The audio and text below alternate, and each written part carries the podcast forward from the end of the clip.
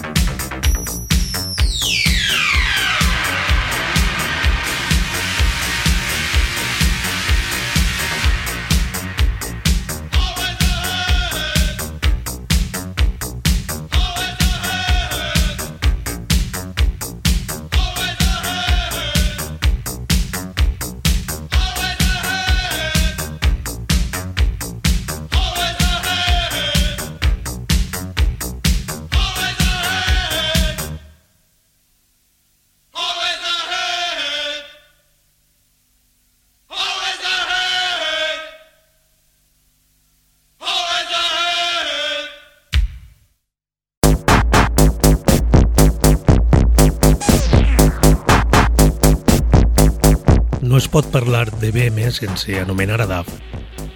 Per a molts, els precursors d'este estil, ja que anys abans de que Front 242 encunyaren el terme BM, este duo format per Gaby Delgado i Robert Gold van introduir una descripció que donaria peu anys després per a que s'anomenara definitivament Electronic Body Music. Exactament, DAF va utilitzar l'expressió Corper Music, que en alemany es tradueix com a Body Music. Ho anomenaren així en una entrevista per a descriure un so electrònic i ballable del punk. Una altra expressió menys comú que es va utilitzar per a descriure l'EBM va ser agrepo, una contracció d'agressiv i de pop. Esta expressió es va usar principalment en Alemanya i a finals de la dècada dels 80. Per a molts nostàlgics, encara que fora Front 242 qui va encunyar l'expressió DBM, els que realment van definir les bases d'este gènere musical van ser DAF, que a finals dels 70 ja tocaven una mescla de punk, electrònica, industrial i experimental.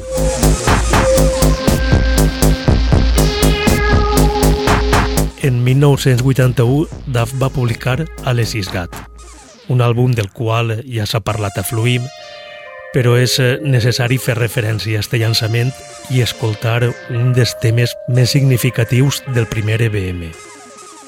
Escoltem Der Mussolini.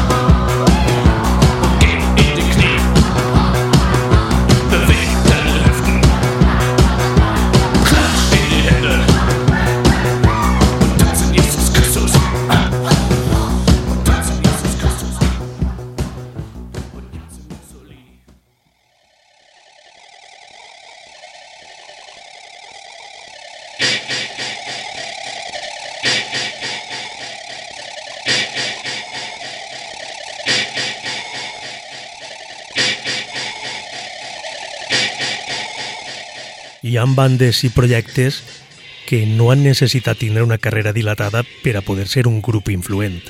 Liaisons Dangereux va ser un grup de Düsseldorf que va ser fundat per Beat Bartel i per Chris Lojas justament amb la vocalista Krishna Geno en 1981 i que només va estar actiu fins a 1982. Abans del trio Liosens Dangerous, Chris Lojas i Beth Bartel formaven un duo anomenat CH-BB. Van publicar amb Liosens Dangerous un àlbum homònim el mateix any de la creació de la banda, en 1981, una mena de premissa abans de que s'incorporara Chris Naguinó. Després de gravar quatre cassets de 10 minuts, van publicar el seu únic àlbum en 1981. L'àlbum incluïa el single Los Niños del Parque, mític tema amb més de 40 anys d'història que es va convertir en un enorme èxit i que ha estat citat per molts destacats DJs de house de Chicago i també de techno de Detroit com a una influència crucial. No obstant, com ja coneguem de sobre el tema de Los Niños del Parque, anem a escoltar la cara B d'este single per apreciar la deriva punk dels primers projectes de BM. Escoltem Etroasis Udancer.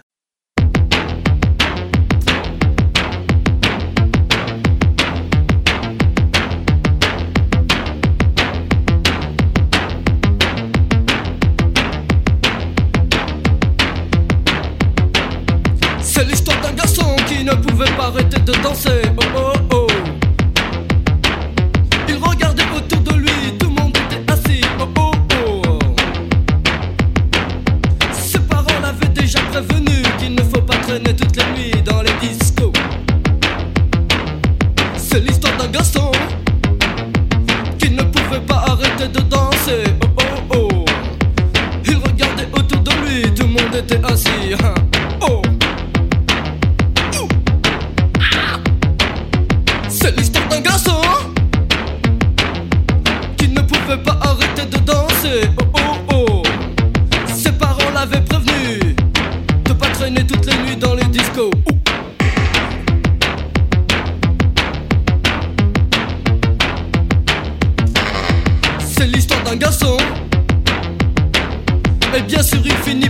person no more.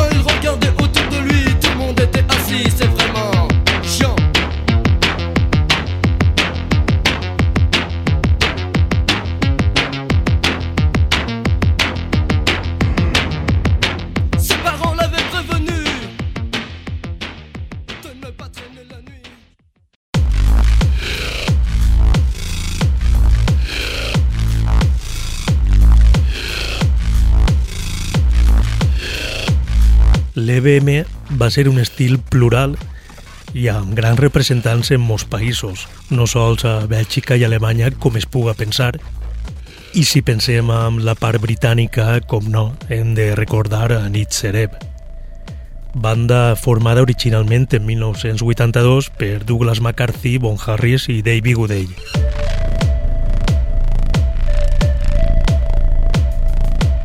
En quant al nom, Nitxereb no té cap significat perquè va ser un nom tret a sort perquè el que feren va ser introduir lletres dins d'una borsa i traure-les fins que formaren el nom de Nitxereb.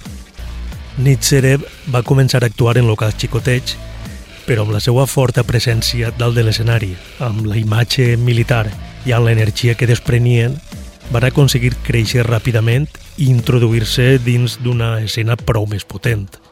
També va influir molt que fitxaren per Mute Records, el setxell de Daniel Miller, i en una de les gravacions als estudis de Mute Records, Nietzsche va rebre la visita de Depeche Mode, que també estaven als mateixos estudis. La banda de Dave Gaham va quedar meravellada amb l'estil de Nietzsche i els van convidar per a que els acompanyaren en un parell de xires. That Total Age és el gran àlbum de Nietzsche possiblement un dels tres millors àlbums d'EBM de la història i el primer que publicaren a Mute Records. Este àlbum incloïa temes mítics com Joining the Chant, Let Your Body Learn o Murderous, que és el tema que anem a escoltar. Where is the youth?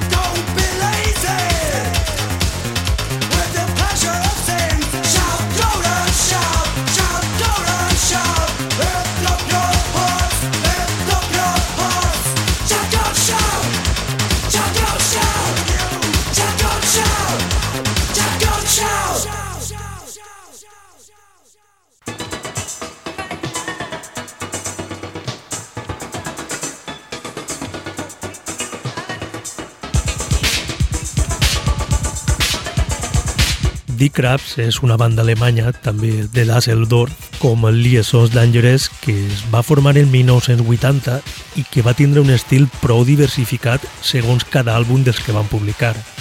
No obstant, són una banda influent dins de l'EBM i la recordem per treballs com The Imaginaries of Joy, que és un disc amb el que va col·laborar Nietzsche.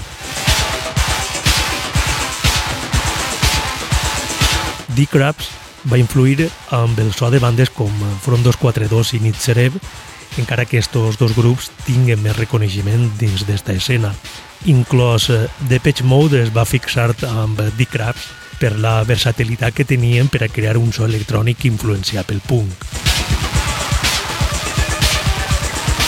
El grup es va formar originalment per Jagen Engler, Ralph Dolper i per Bernard Malaka, i al poc de temps es va unir la saxofonista Eva Gosling. No obstant, la plantilla de Dick Krabs ha estat eh, canviant contínuament fins a l'actualitat. Tornem al seu gran treball, que va ser The Imaginaries of Joy.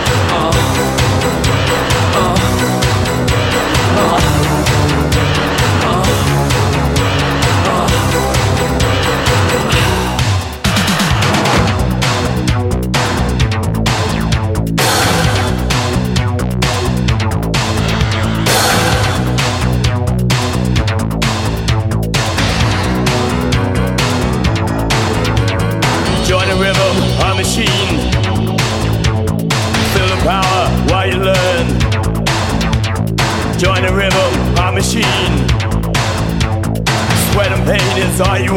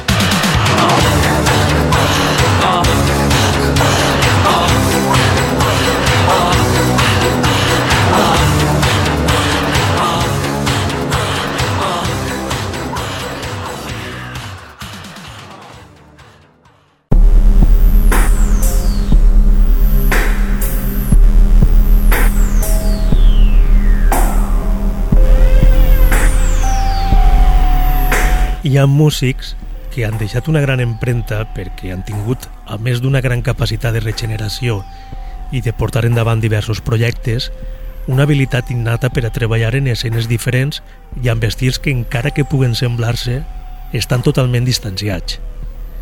Parle de Dirk Evans i d'Eric Van Wonderen, amb dos companys en bandes com Absolute Body Control, Absolute Control Clinic and Maniacs, Sonar o també Clinic, bandes que la majoria van conviure en la mateixa època.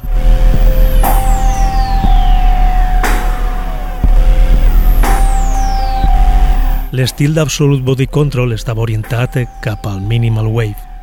L'estil de Sonar, que va néixer a mitjans dels 90, estava dirigit cap a l'industrial.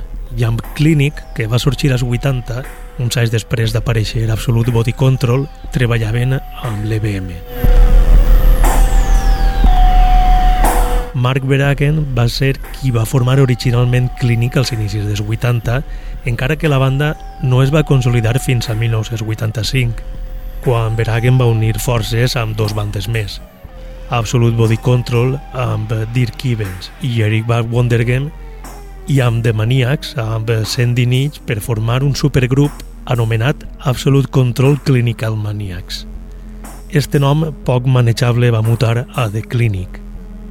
Ninch pronte va abandonar la banda per formar Hybrids, seguit en 1987 per Van Wontergem, deixant The Clinic com el duo clàssic de Dirk Evans i de Mark Verhagen. The Clinic no va tardar gens a fer-se un nom amb el seu so de EBM fred i aspre i les seues actuacions en directe, en què tant Evans com Verhagen actuàvem amb el cap embolicat en gasa i vestint llargs abrics de pell negra. La veu sibilant d'Ivens i les seues lletres minimalistes es completaven amb l'habilitat de Verhagen amb els sintetitzadors. No obstant, això no va durar per sempre. Després de Time, un àlbum amb què cap dels membres estava plenament satisfet, les diferències musicals es van fer massa grans i van decidir separar-se. Sabotatge és el primer àlbum d'estudi de Clinic, publicat en 1985 i d'este llançament escoltem Hours and Hours. Arkinder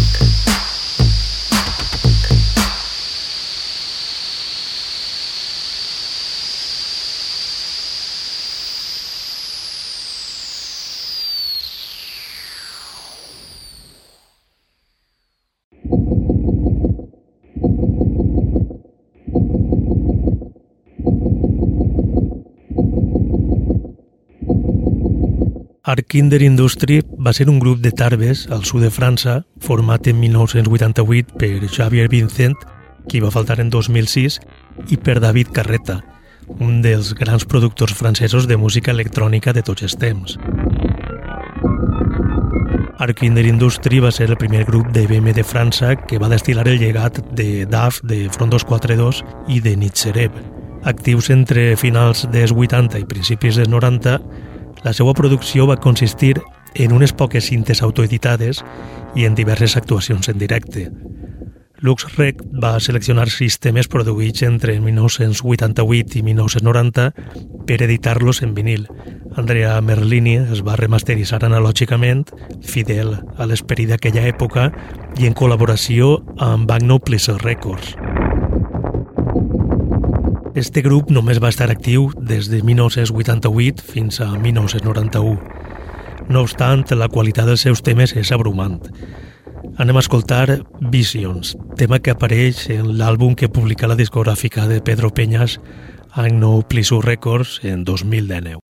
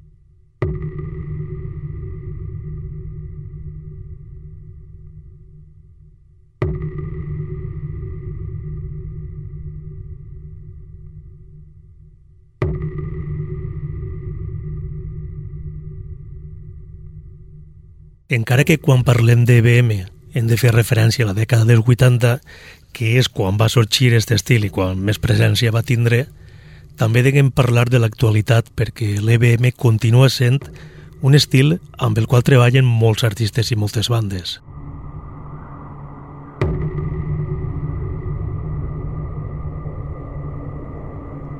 Radical Cash és un projecte amb seu a Bèlgica i Alemanya que va néixer en 2018 i que treballa amb fusions de techno, d'EBM i també amb poesia bèl·lica. Radical Cast també és un projecte anònim que s'amaga darrere de la idea de dedicar-se, sense compromisos, a una poderosa música de body techno amb lletres castigadores i amb potents percussions. Ritmes bruts, sintetitzadors alarmants, baixos enormes i una tensió eròtica són les armes que utilitza este duet per a desenvolupar la seva música. L'Aster Untugged és un EP de tres pistes que publica Radical Cast en 2019. Escoltem la pista que li dona nom a este senzill.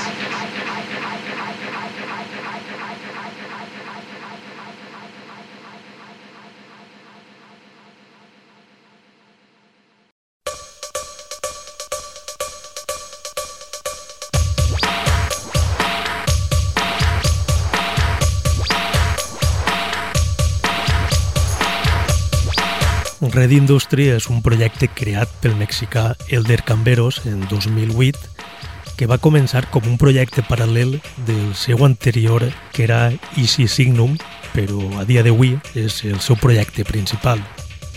Red Industry fa el seu propi estil de música anomenat Future Clash Body Music, una mena de barreja d'EBM amb Electroclash i el que és anomenat per Elder com a Future Clash, orientat també cap a l'escena industrial, cap al post-punk, el synth-punk o també el cold wave. Acabem esta edició del 24 de febrer, Dia Internacional de l'EBM, per coincidir la data amb el 242 de Front 242 i ho fem escoltant They Dominate by Law, tema de Red Industry publicat en Miseria, discogràfica del mexicà Carlos Grabstein. Vos espere en una pròxima edició de Fluïn. Salutacions de Ximo Noguera des del Cira Ràdio i també per a la xarxa d'emissores municipals valencianes.